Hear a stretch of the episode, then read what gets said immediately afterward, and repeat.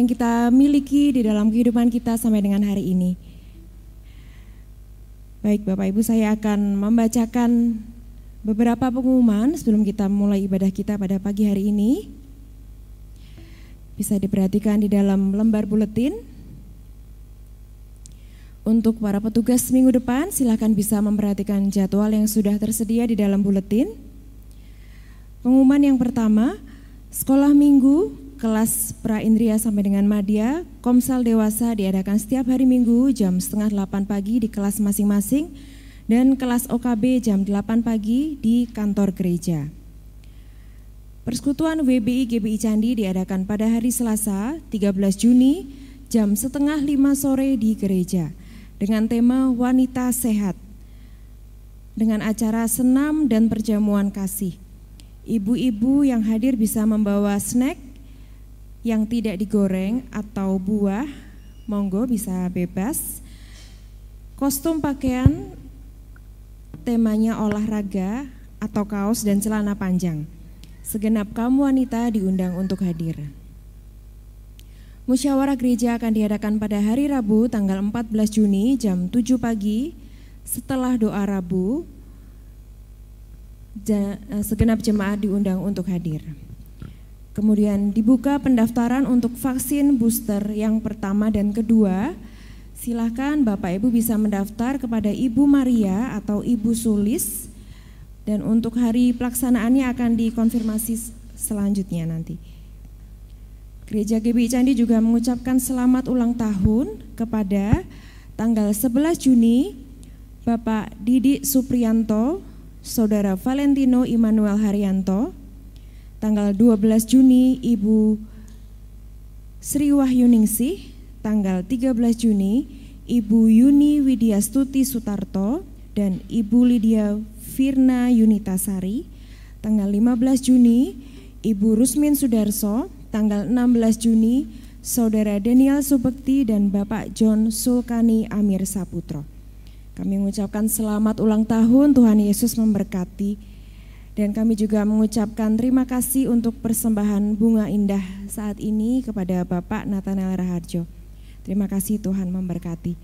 Baik Bapak Ibu Saudara sekalian, kita akan memulai ibadah kita pada pagi hari ini. Saya persilakan Bapak Ibu mengambil waktu untuk bersaat teduh. Mari kita menghampiri tahta Tuhan.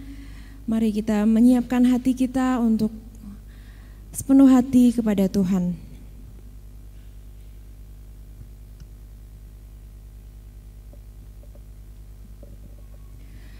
Berbahagialah orang yang engkau pilih dan yang engkau suruh mendekat untuk diam di pelataranmu. Kiranya kami menjadi kenyang dengan segala yang baik di rumahmu, di baitmu yang kudus. Saya undang untuk berdiri Bapak Ibu sekalian. Mari kita angkat pujian Mari kita menyembah Tuhan, mari kita menyenangkan hati Tuhan.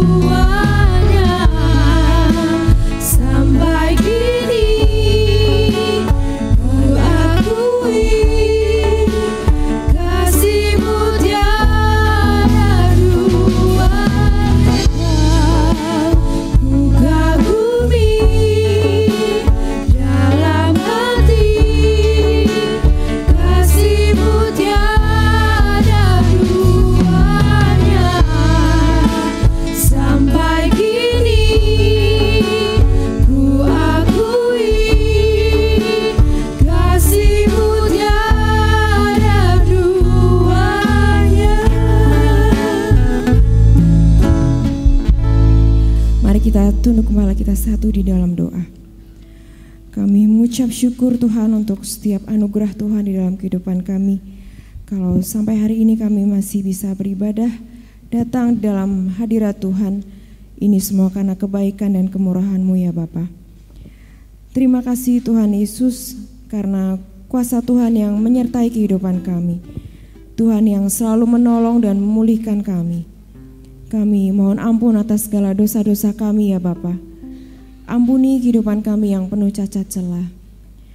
Terima kasih Tuhan, oleh karena kasih-Mu yang besar kami boleh layak menjadi anak-anak Bapa.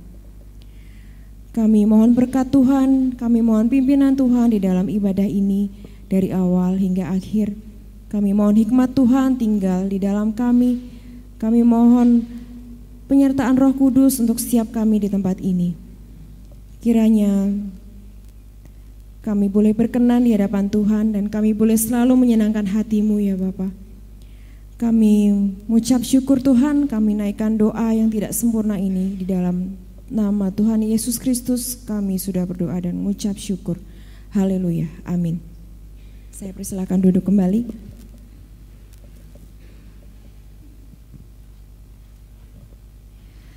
Kita akan kembali menaikkan pujian dari buku nyanyian pujian nomor 204. Kita akan nyanyikan semua bait.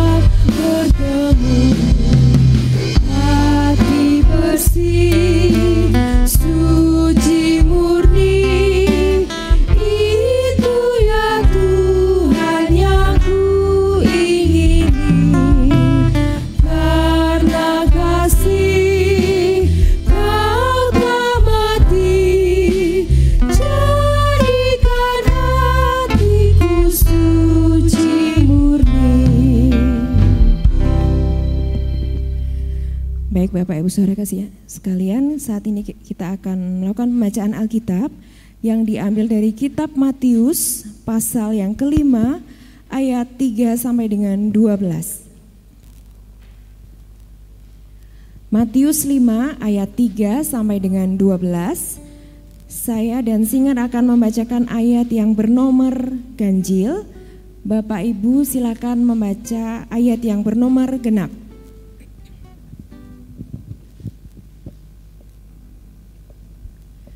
Matius 5 ayat 3 sampai dengan 12. 1 2 3. Berbahagialah orang yang miskin di hadapan Allah, karena merekalah yang mempunyai kerajaan sorga.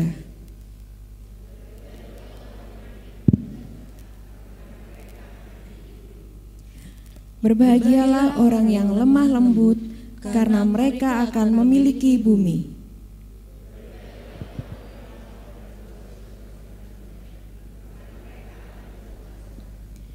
Berbahagialah orang yang murah hatinya, karena mereka akan beroleh kemurahan.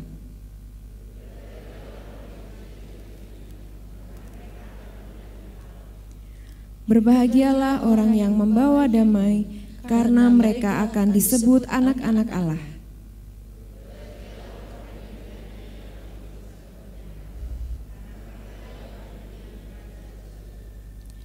Berbahagialah kamu jika karena aku kamu dicela dan dianiaya dan kepadamu difitnahkan segala yang jahat.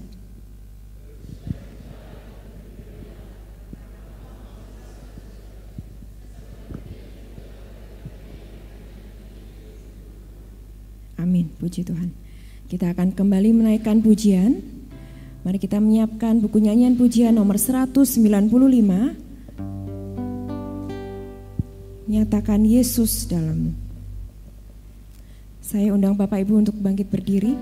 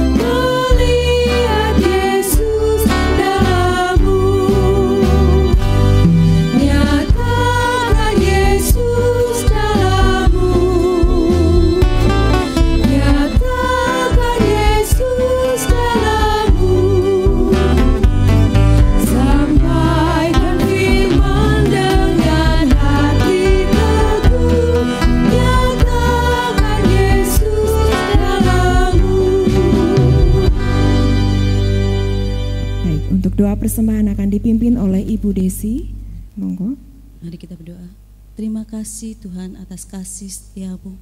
Terima kasih untuk uh, kesehatan, untuk kehidupan yang selama ini kami hadapi Bapak.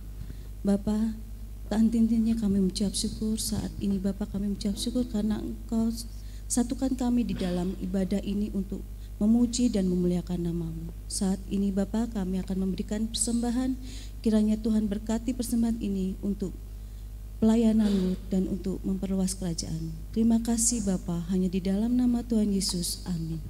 Amin. Saya persilahkan duduk kembali.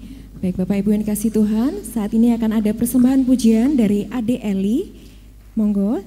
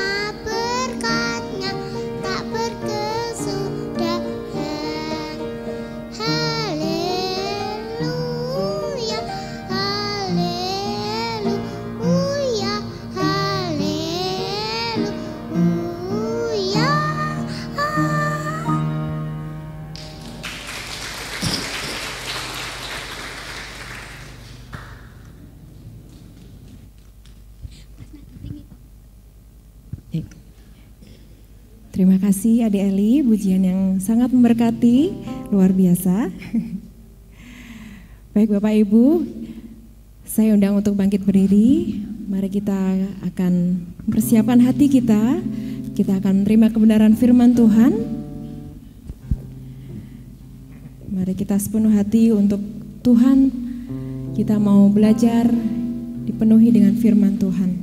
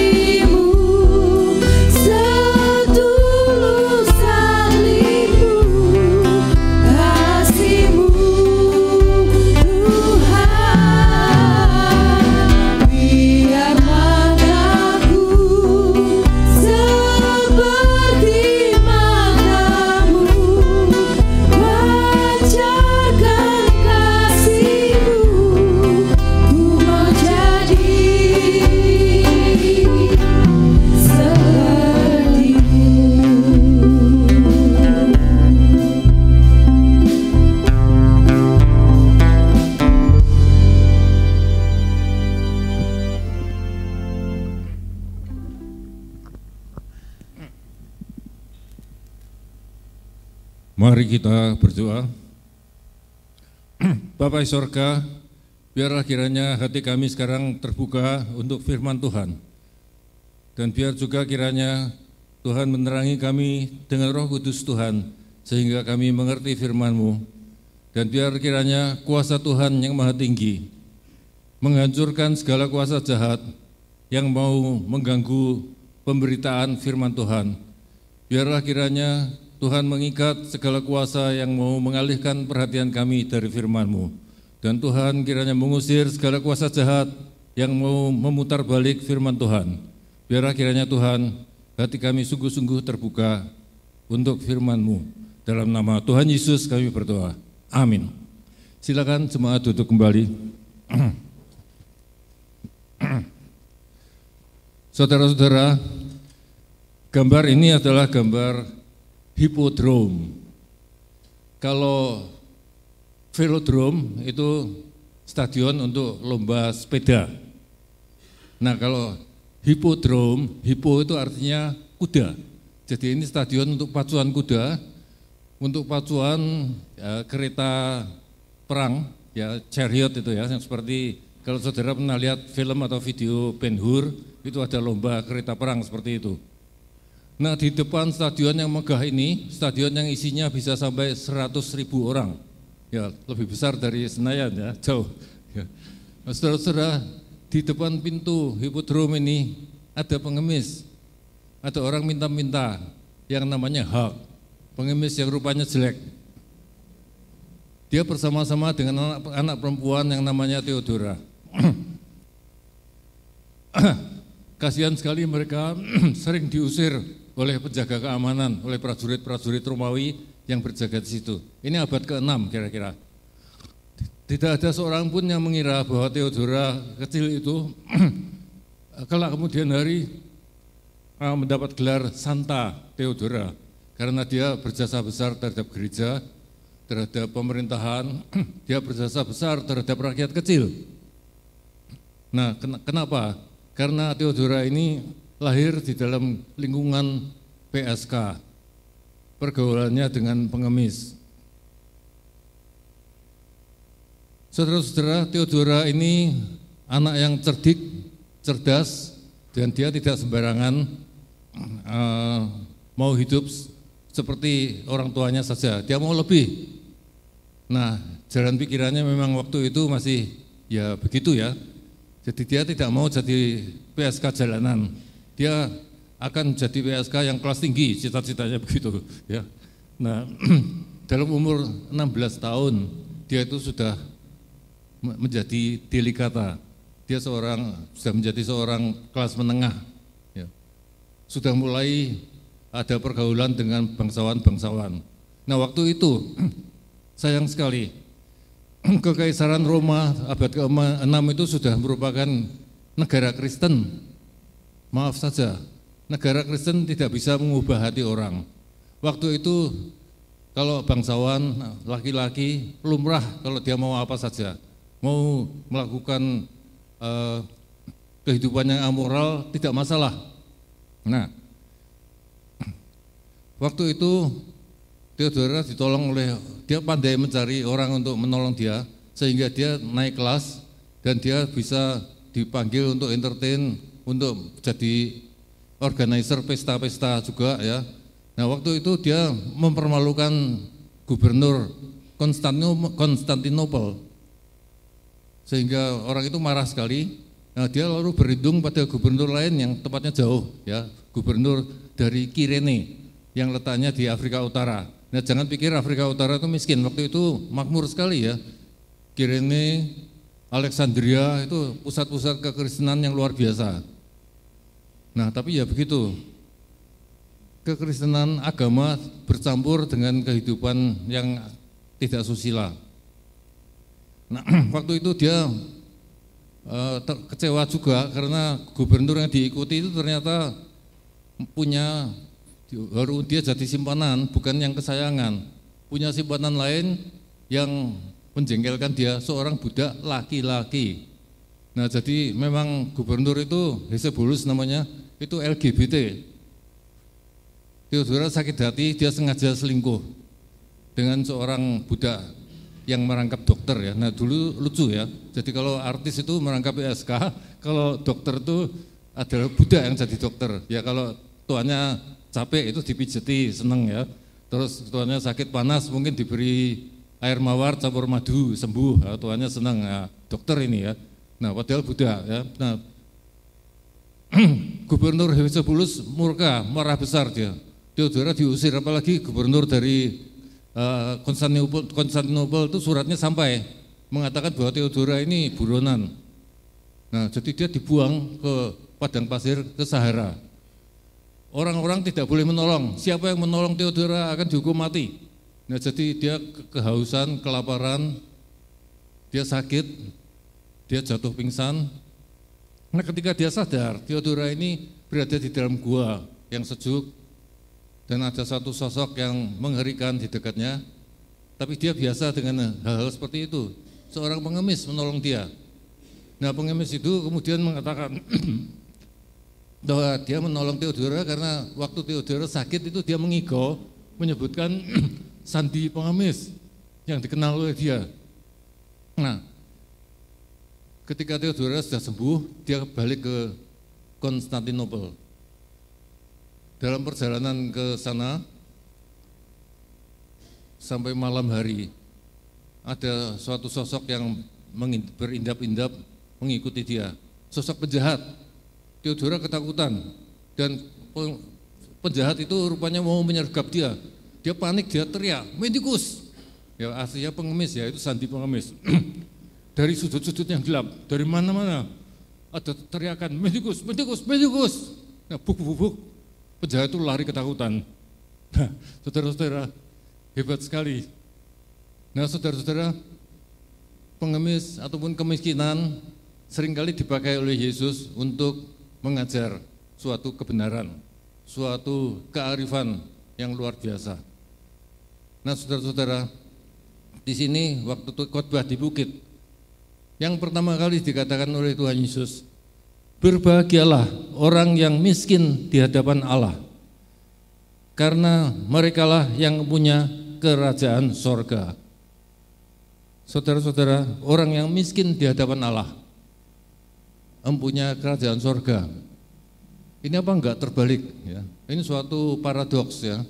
Kerajaan Allah ini soal rohani, eh, soal apa kekayaan. Ya, kenapa kok orang miskin? Nah, saudara-saudara, kalau Tuhan Yesus memakai suatu istilah untuk suatu kiasan atau perumpamaan, itu kita jangan keliru. Satu segi yang disoroti oleh Tuhan Yesus, bukan segala segi kemiskinan yang disoroti, tapi satu segi. Misalnya kalau ada kata-kata bahwa orang yang seperti anak kecil ini yang bisa masuk kerajaan Allah bukan segala sesuatu dari anak kecil ya kalau anak kecil itu masih mudah dibohongi anak kecil itu uh, harus dibantu. Ini itu tidak bisa. Kalau tidak bisa sesuatu nangis. Kalau minta sesuatu tidak diberi terus rewel. Mungkin teriak-teriak ya. Mungkin uh, apa ngamuk ya. Nah bukan begitu. Ya anak kecil itu ketulusannya yang dipakai oleh Tuhan Yesus untuk menekankan mereka lah yang bisa masuk ke kerajaan Allah kalau hatinya tulus. Nah di sini uh, berbahagia ini di uh, orang yang miskin diperbandingkan dengan suatu kerajaan. Nah coba kita lihat lebih lanjut ya, slide yang berikut.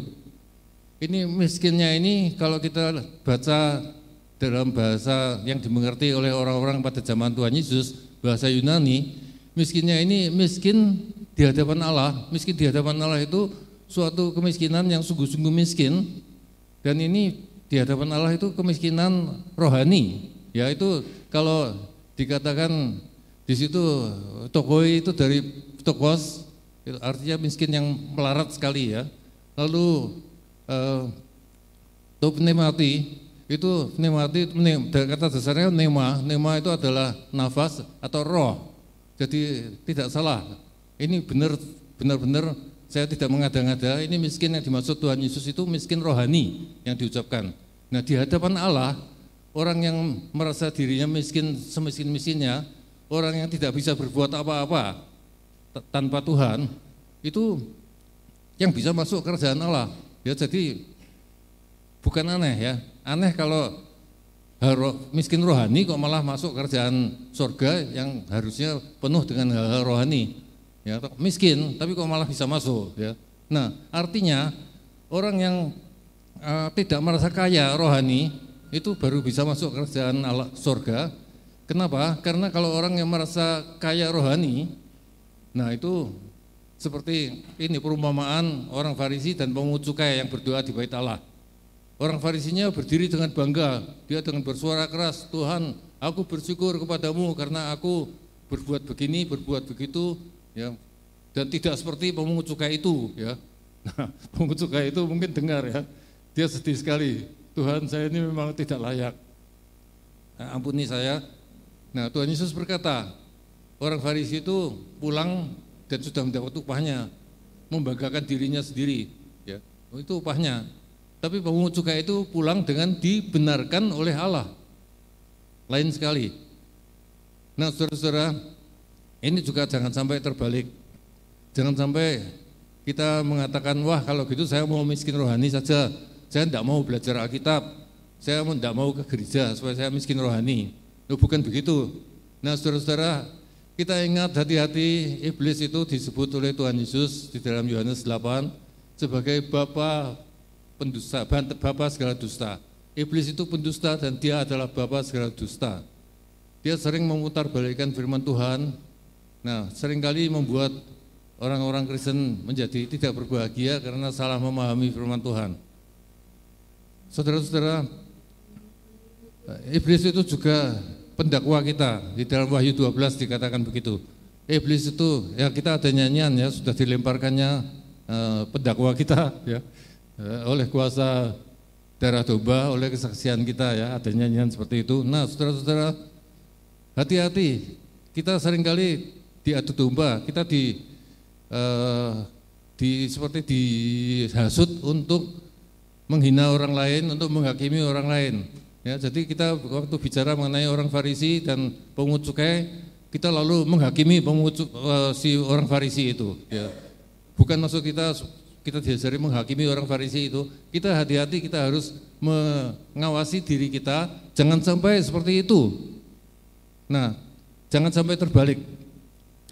Ah, saudara-saudara, orang yang sungguh-sungguh merasa dirinya tidak bisa apa-apa di hadapan Allah itu, dia akan rendah hati. Ya, jadi di dalam Alkitab terjemahan lama disebutkan berbahagialah orang yang rendah hatinya karena mereka yang mereka yang mempunyai kerajaan sorga. Nah, kerendahan hati saja tidak cukup kalau rendah hati karena dirinya sendiri. Wah, saya ini rendah hati, bukan miskin rohani, ya. Nah, jadi kalau misalnya kita itu punya prestasi, ya kita menjadi karyawan kesayangan bos misalnya. Jangan berbangga dulu. Saya ini miskin rohani. Ini karunia Tuhan. Jangan sampai saya sombong. Kalau begitu sombong di, di hadapan bos langsung akan dicutik, ya akan di, di, dibuang. Ya, kita harus harus hati-hati. Kalau kita punya prestasi pelayanan yang baik sekalipun juga ya, walaupun itu bukan di pekerjaan di gereja ya misalnya, kita punya pelayanan yang baik, baiklah kita tetap merasa miskin rohani, walaupun ini di gereja. Kalau kita mendapatkan misalnya pendidikan teologi yang baik, Jangan kita bangga, oh saya lulusan STBI. Ya, ya saya juga ya termasuk diri saya. Harus saya ingatkan sendiri jangan sampai berbangga hati, ya. Karena walaupun sudah belajar kita lama, tetap saja itu kita itu di hadapan Allah, miskin di hadapan Allah, kita itu miskin rohani. Nah, ada satu cerita Eh, mungkin 10 tahun yang lalu saya dengar ada seorang hamba Tuhan yang kuliah di seminari Southwestern. Itu seminari yang sangat besar, seminari yang sampai bis kota masuk ke sana, mahasiswa yang tinggalnya tidak di dalam kampus, di, di luar kompleks kampus bisa naik bis kota untuk ke kampus, turun di gedung A atau gedung B atau gedung apa gitu ya. Itu luar biasa besarnya rektornya pasti bukan orang sembarangan ya. E, ketua seminari itu pasti bukan orang sembarangan. Ya, pasti dia dokter yang terbaik, profesor ya yang kepemimpinannya bagus. Nah, Bapak Profesor Doktor Teologi itu waktu hari Minggu ditemukan di mana? Duduk sebagai murid kelas sekolah minggu dewasa. Ya, ya mungkin sama-sama dengan saya kalau di sini, sama-sama dengan Pak Sunarto, Pak Sunardi, eh, Pak Suroso ya. Itu profesor doktor teologi duduk manis bukan keminter lalu memprotes gurunya, menyanggah gurunya, mengkritik orang-orang lain, enggak. Dia ramah dan seperti biasa. Andai kata orang tidak kenal, tidak tahu kalau itu dia itu seorang yang sangat hebat. Nah, saudara-saudara kita juga jangan menghakimi ya. Nanti lupa Eko kok di kelas saya, lu ya enggak punya tugas sendiri ya. Ya hati-hati jangan sampai kita kalau dengar hal-hal yang baik malah jadinya kita jadi jelek. Ya, maksudnya supaya kita itu rendah hati seperti itu ya. Jadi walaupun kita itu pintar sekalipun, kita itu tidak usah menonjolkan kepintaran kita. Nah ada penelitian psikologi, katanya orang yang sombong itu sebetulnya dalam hatinya, dalam dalam ketidaksadarannya ya, dalam alam tidak sadarnya itu dia itu minder. Jadi kompensasi sombong ya. Nah orang yang minder sebenarnya dalam hatinya itu sombong. Ya. Nah jadi kita jangan sombong, jangan minder. Ya baiknya biasa-biasa saja ya. Nah saudara-saudara itu demikianlah orang yang miskin di hadapan Allah itu mempunyai kerajaan sorga. Nah kerajaan sorga ini apa? Ya tentu kita asosiasi kita pertama kali ya kerajaan sorga itu kerajaan yang dimiliki oleh Tuhan ya dari zaman dahulu sekali sebelum ada apa-apa, sebelum ada segala ciptaan sampai uh, kelak jauh kemudian hari tidak ada akhirnya. Benar, Nah kerajaan surga itu juga uh, dikatakan itu adalah kerajaan yang akan datang pada waktu Yesus datang kedua kali. Betul. Kerajaan surga itu waktu kedatangan Tuhan Yesus yang kedua kali. Ya, tapi juga kerajaan surga itu pada waktu kita sudah percaya Yesus ini, kerajaan surga itu ada di antara kita. Kerajaan surga itu adalah kedaulatan, kedaulatan Allah. Kekuasaan Allah, Allah memerintah, Nah alam memerintah itu iya betul ya alam semesta ini diperintah oleh Tuhan dikendalikan oleh Tuhan, oleh Tuhan. Tetapi kita orang-orang Kristen orang-orang yang percaya Yesus ya orang-orang yang berbahagia karena mempunyai kerajaan Allah sungguhkah kita ada di dalam kerajaan Allah? Seringkali kita lupa kalau kita itu warga kerajaan Allah. Lupa identitas kita. Kita itu sering kali uh, lupa bahwa Allah itu berdaulat ya bahwa kita itu ada dalam kedaulatan Allah sehingga itu kita itu harus patuh kepada Allah. Nah, saudara-saudara, kalau kita di dalam kerjaan sorga itu kita tidak patuh, ya kita bukan warga kerjaan sorga, kita keliru sekali. Ya.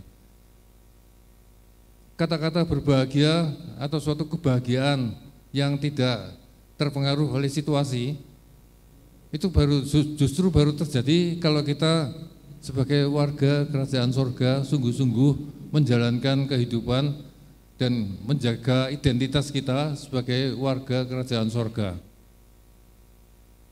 Kita punya hak memang, kita punya, kita jangan sampai salah ya, lo kerajaan sorga kok eh, jadi punya kerajaan sorga itu kan kita jadi pangeran-pangeran, jadi anak-anak raja, ya, jadi putra-putri raja, betul. Tapi putra-putri raja juga tidak boleh seenaknya, Ya justru ada adat istiadat yang eh, ketat harus diikuti dan martabat yang harus dijaga sebagai putra-putri raja. Nah, saudara-saudara, pakai warga kerajaan sorga itu kita bagaimana? Apakah kita kebahagiaan kita terusik kalau misalnya orang lain dipuji? Apakah kebahagiaan kita terusik kalau lihat orang lain menjadi terkemuka? Apakah kebahagiaan kita terusik kalau kita direndahkan? Nah saudara-saudara, gaya hidup putra-putri kerajaan sorga itu bukanlah gaya hidup mewah, tetapi gaya hidup miskin rohani justru. Tadi kan sudah dikatakan di depan, yang miskin rohani baru bisa memiliki kerajaan sorga. Kalau kita mau gaya hidup mewah, itu Eh, tidak masuk kriteria warga kerajaan surga. Kita harus hati-hati. Nah, saudara-saudara, baiklah kita eh, lanjut bahwa kalau kita punya kerajaan surga, kerajaan surga itu bukan sekedar kita nikmati sendiri, tapi harus kita bagikan. Nah, Baik, slide berikutnya kita lihat. Kerajaan surga itu kita bagikan. Ya, kita lihat ayat 16 ya. Kalau tadi ayat pertama dari ucapan bahagia, ucapan bahagia itu kemudian ditutup oleh dua ayat mengenai garam dan terang. Nah, baik kita ambil ayat yang terakhir saja, yang ayat 16 mengenai terang. Demikianlah hendaknya terangmu bercahaya di depan orang supaya mereka melihat perbuatanmu yang baik dan memuliakan Bapamu yang di sorga. Nah, perbuatan yang baik ya supaya memuliakan Bapamu di sorga. Nah, perbuatan yang baik ini apa? Perbuatan yang baik ini bukan supaya kita bisa berbangga-bangga. Saya kaya rohani sehingga saya berbuat baik. Ya karena kita miskin rohani, kita jujur berbuat baik. Kita tidak sombong di hadapan orang lain dengan kebaikan. Ya kita berbuat baik dengan tulus, bukannya berbuat baik lah ini saya ini dermawan ya punya harta banyak sehingga saya bagi-bagi bukan begitu ya kita justru karena kita miskin rohani kita mendekati orang lain apa adanya kita seperti Bapak di sorga yang tidak memandang rupa kita yang sungguh-sungguh matanya memancarkan belas kasihan eh, cinta kasih demikianlah yang eh, orang yang membagikan kerajaan sorga. Perbendaharaan kita itu luar biasa, jangan sampai kita keliru. Nah, saudara-saudara, baik kita uh, lanjut satu slide lagi. Kita membagikan kerajaan sorga itu, berbuat baik itu, karena itu adalah rencana Allah, desain untuk kehidupan warga kerajaan sorga. Nah, mungkin memang baik kita lihat ayat dari Efesus 2 ayat 8 dan 9 sampai ke 10. Ya mari kita baca.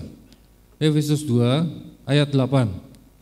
Sebab karena kasih karunia kamu diselamatkan oleh iman. Itu bukan hasil usahamu, tetapi pemberian Allah. Itu bukan hasil pekerjaanmu. Jangan ada orang yang memegahkan diri.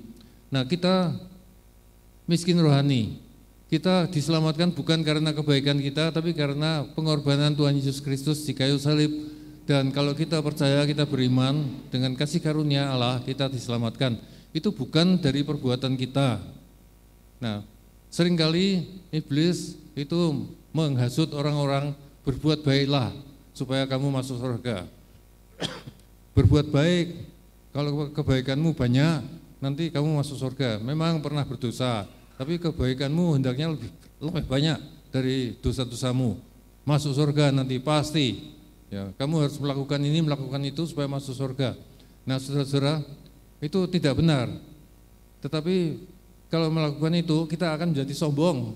Ya, walaupun kesombongan itu disembunyikan, kesombongan yang tersembunyi sudah cukup untuk menghancurkan segala kebaikan kita.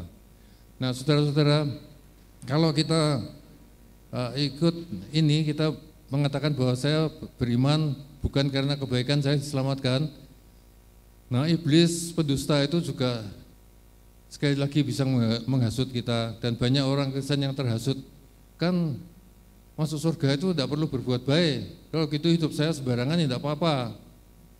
Ya saya hidup sebagai orang yang tidak pernah ke gereja juga tidak masalah. Kan bukan karena ke gereja saya diselamatkan. Ya saya eh, di dalam pekerjaan ya saya korupsi supaya saya dapat uang banyak kan tidak apa-apa karena kita masuk surga bukan karena kebaikan kita. Nah itu salah sekali, itu sangat keliru. Hati-hati dengan hasutan-hasutan seperti itu. Ya, banyak yang sudah jatuh. Kita lihat ayat 10. Apa rencana Allah?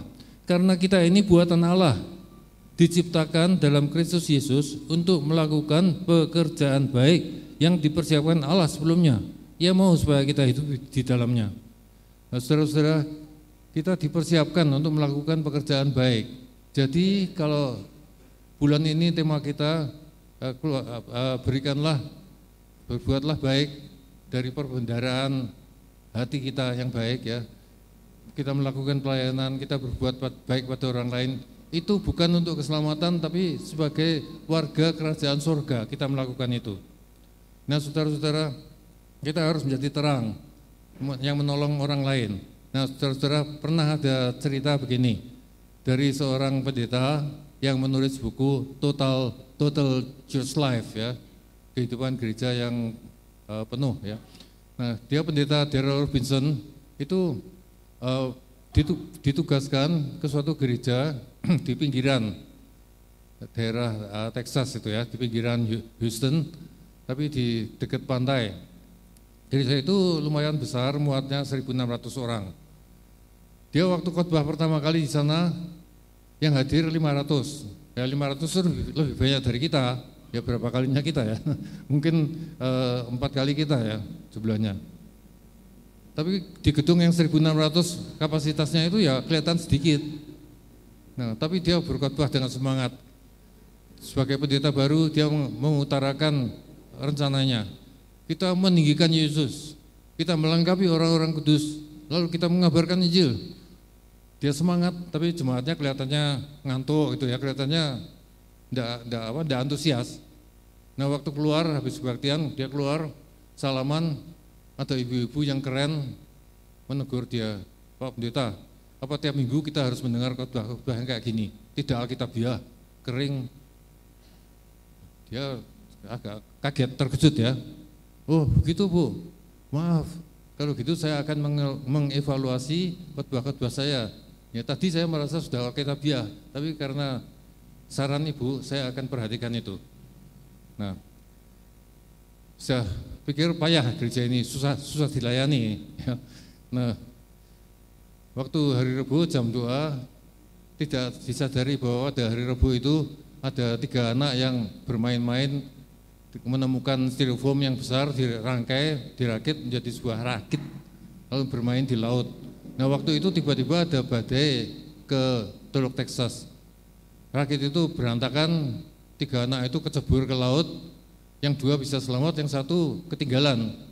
Nah, bapaknya dipanggil, oh, berusaha menolong karena itu tebing, tangannya nggak sampai, ditambahi tali, talinya juga nggak sampai, anak itu meninggal. Dan ketika itu semua sedih. Anak itu baru satu bulan menerima Yesus sebagai juru selamat. Kaum muda di gereja itu nangis. Mereka nangis di situ. Lalu anak-anak muda yang lain juga datang orang-orang dewasa juga menghibur bapaknya. Lalu pendeta Daryl Robinson ini mengkhotbahkan Yohanes 3:16 dan dia me, apa, menyampaikan undangan ya 25 orangan lah kira-kira uh, mengatakan bahwa mereka terima Yesus.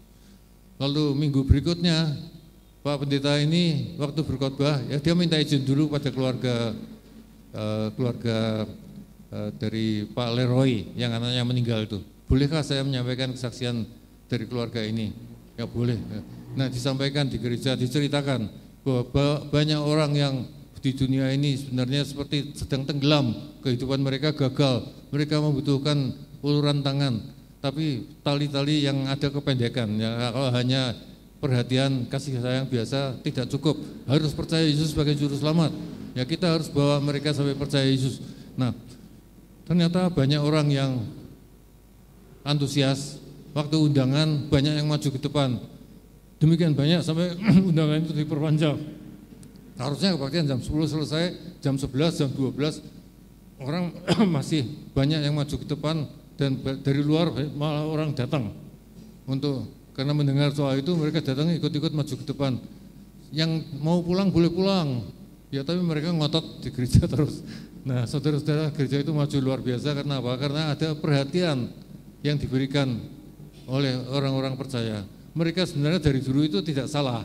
Mereka hanya sepertiga dari kapasitas gereja, padahal mereka kaya sebenarnya. Cuma mereka tidak menyadari kekayaan rohani mereka. Mereka tidak membagikan kebaikan mereka kepada orang lain sehingga pengabaran Injil yang dilakukan itu seperti eh, teriakan di padang gurun saja. Ya, teriak saja ke mana-mana, tapi orang tidak melihat kenyataannya. Tapi setelah ada perhatian yang sungguh-sungguh disampaikan kepada orang yang menderita, orang berbondong-bondong datang kepada Kristus. Nah saudara-saudara, baiklah kita sebagai warga kerjaan sorga, menjadi orang-orang yang berbahagia. Jangan gampang-gampang terusik kebahagiaan kita, sehingga kita memprotes, sehingga kita ribut, sehingga kita bermasalah dengan orang-orang lain. Ingatlah bahwa kita itu mengabarkan Injil, dan sering kali masalah keributan itu jauh lebih menarik daripada pengabaran Injil sehingga kita lupa mengabarkan Injil karena ribut terus. Nah saudara-saudara baiklah kita berbahagia sebagai orang-orang yang miskin rohani karena kita punya kerjaan sorga. Buanglah kiranya segala kesombongan kita, ya kita jangan sampai menoleh ke orang lain, lihat ke kiri kanan si A, si B masih sombong, bukan. Ya, diri kita sendiri baiklah kita hadapkan kepada Tuhan.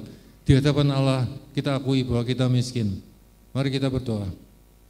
Bapak sorga, biarlah kiranya segala kebanggaan Tuhan hilangkan dari segala, dari hati kami.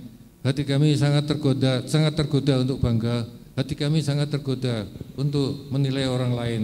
Biarlah kiranya Tuhan tolong supaya kami yang sudah percaya Yesus sebagai juru selamat akan sungguh-sungguh hidup sebagai warga kerajaan Allah. Orang-orang yang miskin rohani karena hanya Tuhan yang mempunyai segala kekayaan itu. Biarlah kiranya kami berusaha mencari kerajaan sorga dan kebenarannya dan kami percaya bahwa segala sesuatu akan Tuhan tambahkan. Dalam nama Tuhan Yesus kami berdoa. Amin.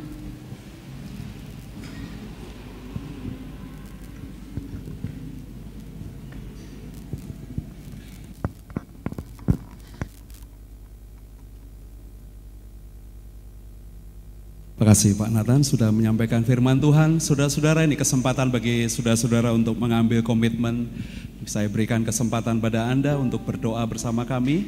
Silakan saudara, kita bisa mengambil komitmen untuk lebih mendekat pada Tuhan, bawa hatimu kepada Tuhan, terbuka kepada Dia,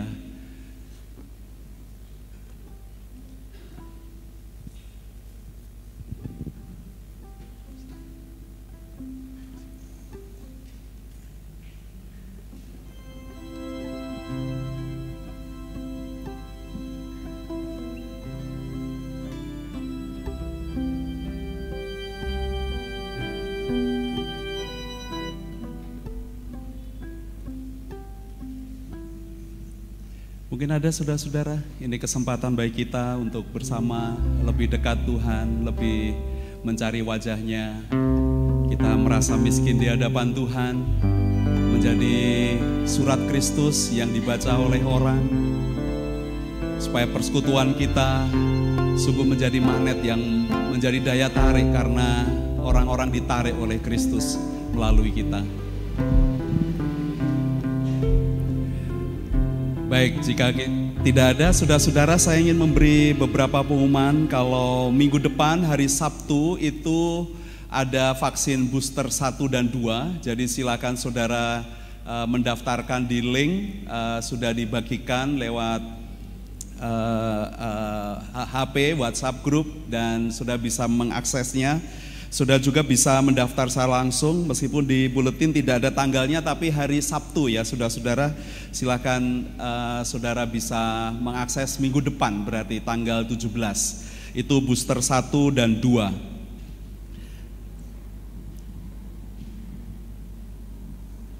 Ya, lalu tanggal 18 seperti yang saya sampaikan kemarin, uh, Pendeta Dave akan uh, ada perpisahan di gereja cabang kita di Jatingaleh. Jadi saudara bisa mendukung dalam doa supaya Tuhan memberkati pelayanan uh, cabang kita di masa yang akan datang, uh, termasuk untuk pengorganisasian dan mencari gembala sidang yang baru.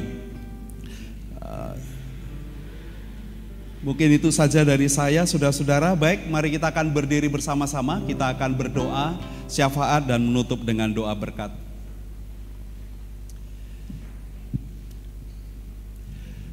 Bapa di dalam surga, kami sungguh bersyukur karena Engkau Allah yang memiliki kami, Engkau yang memanggil kami menjadi anak-anakmu, menjadi milik kepunyaan Tuhan, hati kami diperbaharui di dalam Tuhan, hidup dan persekutuan kami menyatakan akan Kristus, sehingga kami bisa uh, dipakai oleh Tuhan menarik banyak orang. Dan kami rindu supaya melalui pelayanan-pelayanan kami nama Tuhan dipermuliakan. Bapa kami berdoa secara khusus untuk uh, perdamaian dunia.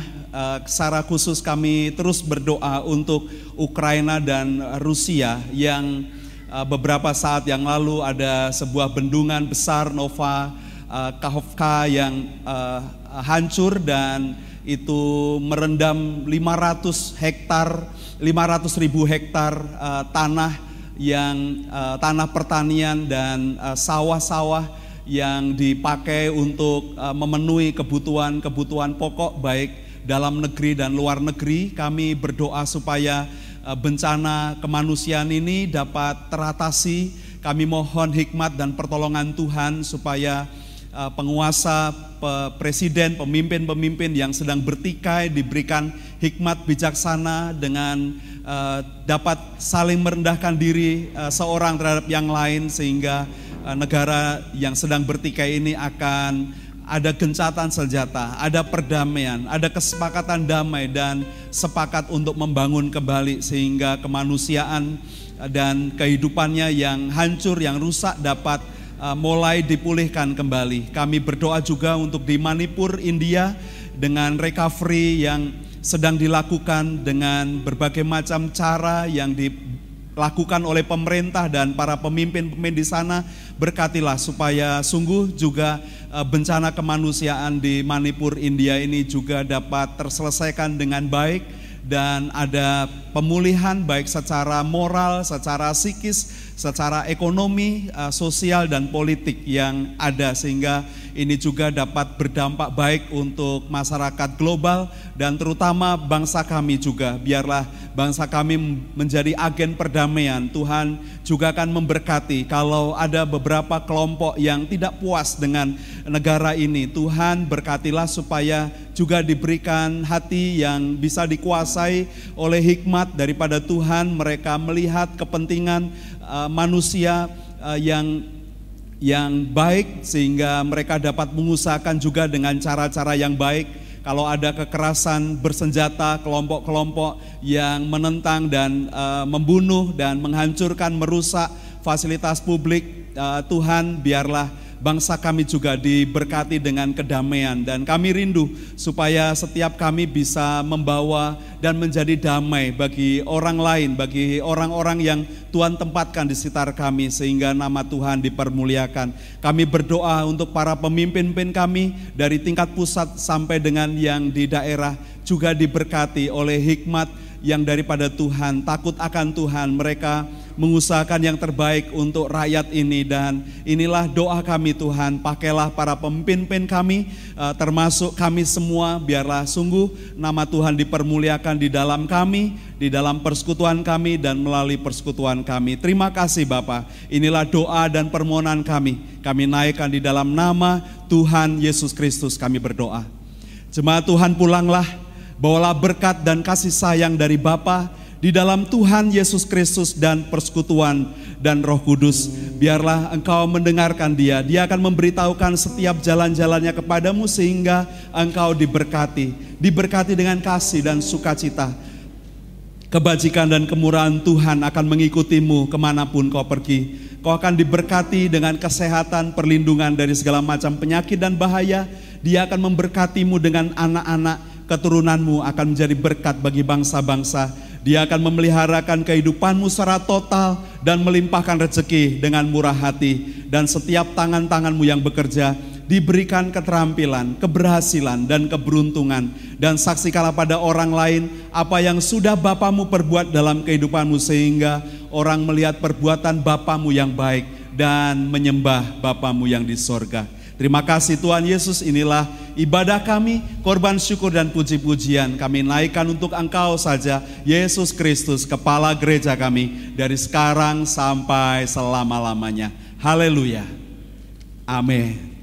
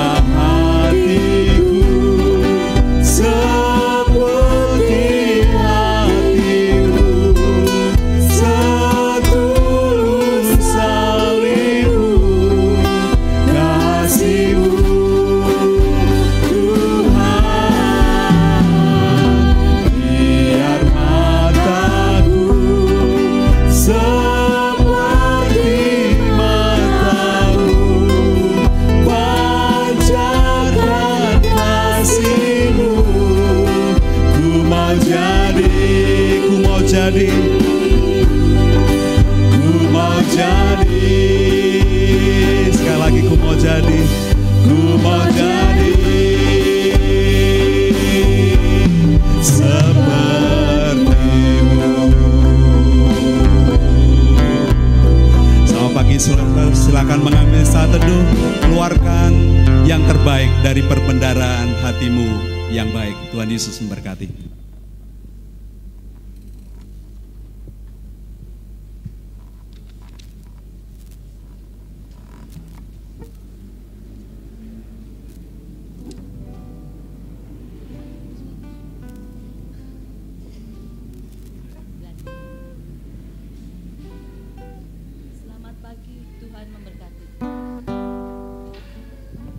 Selamat pagi, Tuhan memberkati.